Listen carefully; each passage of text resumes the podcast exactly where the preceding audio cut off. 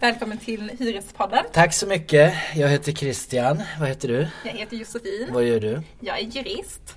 Och jag är handläggare Woho! på Hyresgästföreningen. Hyresgästföreningen. Yes. Vi är experter på Eh.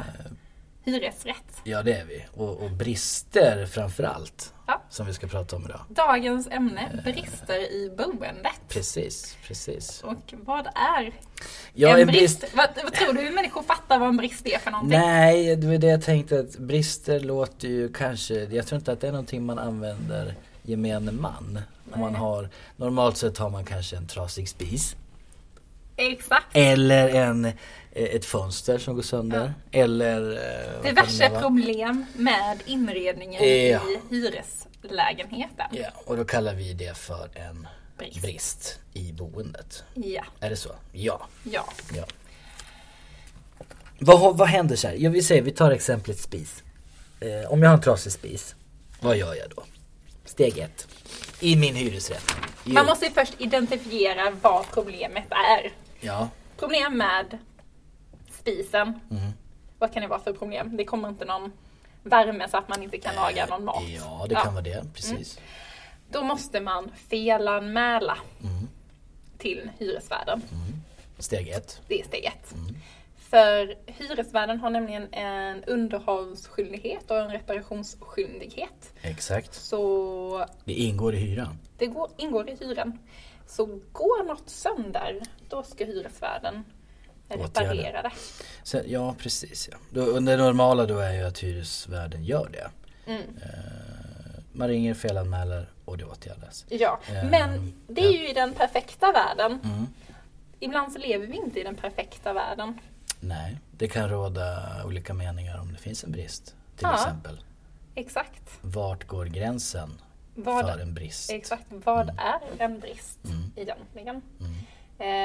Eh, det kan ju, och i vissa fall kan ju också hyresvärden mena att det är hyresgästen själv som har orsakat Mm. bristen.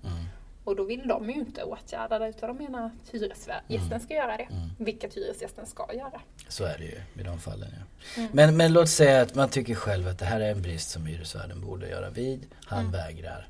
Eh, vad, hur går man vidare då? Vad, Mm. vad, då vänder man sig hit till oss. Mm. Kanske om man är medlem. Exakt. Får våran hjälp. Ja, och den, Mm. det ser ju ut som att vi, vi tittar ju på bristen och ser vad det är för någon brist. Mm. Och tar kontakt med hyresvärden. Mm. Eh, och eh, menar hyresvärden att det här tänker de inte göra. Eh, så har vi möjligheten att ge in en ansökan till hyresnämnden. En ansökan om åtgärdsföreläggande. Ja. Mm. Och så fattar de beslut i ärendet. Ja, och, var, och där står det ju i, i hyreslagen så krävs det ju att det är hinder eller men i nyttjanderätten. Mm. Eh, då Nu är kan vi de... återigen inne på de här Ja, överkursbegreppen. överkurs, hinder och men. Vad tusan är det för någonting? Ja. Ja. Man ska ska ha vi- ett eh, hinder i nyttjanderätten. Mm. Kan man inte laga mat för att spisen är sönder, då har man ju ett Mm. hinder i nyttjanderätten. Mm. Eh, och då meddelar hyresnämnden ett åtgärdsföreläggande. Men Mm. det är ju ganska självklart just när spisen inte fungerar. Mm. Det finns ju fler komplicerade eh, ärenden Mm. som vi har. Eh, många gånger så bråkar kanske inte hyresvärden om en trasig spis. Nej. Vi har ju haft ett antal ärenden som har varit lite småknepiga. Mm. Just nu kan jag inte komma på ett enda. Ja, Jag kommer på en. Det var ju att blommor växte från innertaket. Just det, just Ja. det. Någon form av mögel eh, på växt. Ja, det var Ja. någonting som var fel. Det ska ju inte växa blommor från innertaket. Nej. Blev det, var det ett åtgärdsföreläggande? I Nej, hyresvärden gick med på att eh, åtgärder? åtgärda det Ja. efter en besiktning. Mm. För det var ju inte någonting man ska Tåla. tåla. Nej. Nej men man kan väl säga, det är väl samma sak där att, att höra av er till oss. Vi försöker hjälpa er om det blir så att hyresvärden vägrar. Mm. Eh, I förekommande fall då, när det är aktuellt så kan vi driva det till Mm. hyresnämnden för prövning där. Mm. Eh, Och, och då är det viktigt att, eh, eh, att man har felanmält och kan visa att man har felanmält till hyresvärden. Mm. Eh, Mm, mm. Och att man hyresnämnden meddelar ju inte beslut om åtgärdsföreläggande om det är så att man själv har orsakat skadan. Nej, det är, det är grundtanken att Ja. jag, det man har gjort själv det får man själv stå för. Så. Exakt.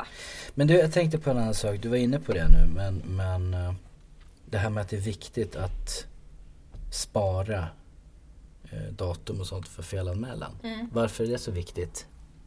Jo, det är nämligen så här att skulle hyresvärden inte åtgärda bristen eller vara seg med att åtgärda bristen har man ju faktiskt möjlighet till nedsättning av hyra.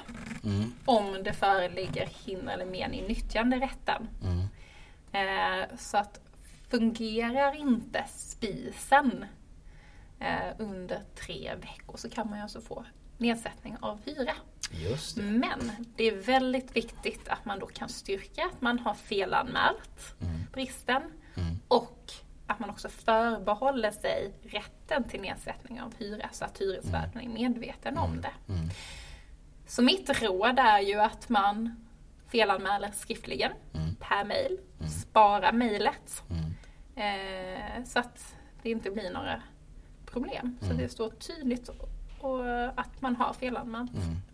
Ja, för det har vi ju rätt många fall där hyresgästen har felanmält kanske, det behöver inte vara flera år men det kan ju vara flera månader tidigare och inte ha något som helst bevis på det. Exakt. Och då Det står man sig slätt när det kommer till bevisning. Definitivt. Ja. Eh, och nu nämner vi ju ganska, eh, ganska simpel case, liksom eh, spis. Mm. Eh, det finns ju ännu mer komplicerade ärenden och det är ju framförallt inomhusmiljön. Störningar, eh, mögel, fukt.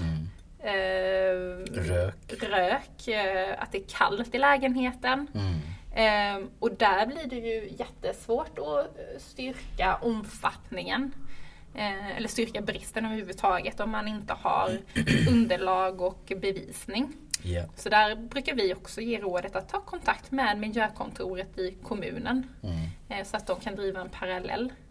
Ja, nu pratar vi om ventilation och kyla och Exakt. den delen. Ja. Mm. Eh, För där har vi ju haft många problem när vi driver eh, ärenden om nedsättning av hyra för att det är kallt i lägenheten och så finns det inget underlag på att det har varit under 19-18 grader. Exakt. Nej men det är väl också en sån här generell grej att försöka skaffa underlag på allt. Foton, skriv ner vad som har hänt. Mm. Eh, dagboksanteckningar brukar vi råda folk att skriva ner. Mm. Om det är längre störningar. Exakt. Renoveringar. För det är ju bevisning när man driver nedsättningsärenden. Rekommenderar vi att man gör eh, att man reparerar själv? Nej, det gör vi väl inte.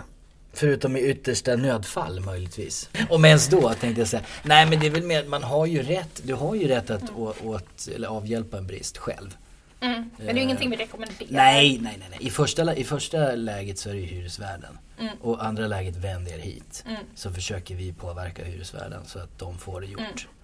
För att det är oftast svårt för att om man avhjälper på egen bekostnad eh, och sen försöker kräva hyresvärden på kostnaden så är det oftast väldigt svårt att få tillbaka pengar eftersom Ja. man inte kan styrka bristen.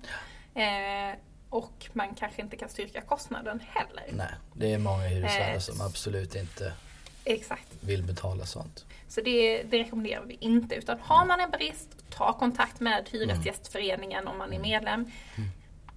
Man kan säga så här generellt, det är rätt krångligt det där. Det är lite småkrångligt. Ja. Det är jättekrångligt. Men då är det så bra att vi finns, eller hur? Eller Då hur? ringer man till oss. Ja. Vi tackar för det. Tack, Tack, och hej. tack och och hej.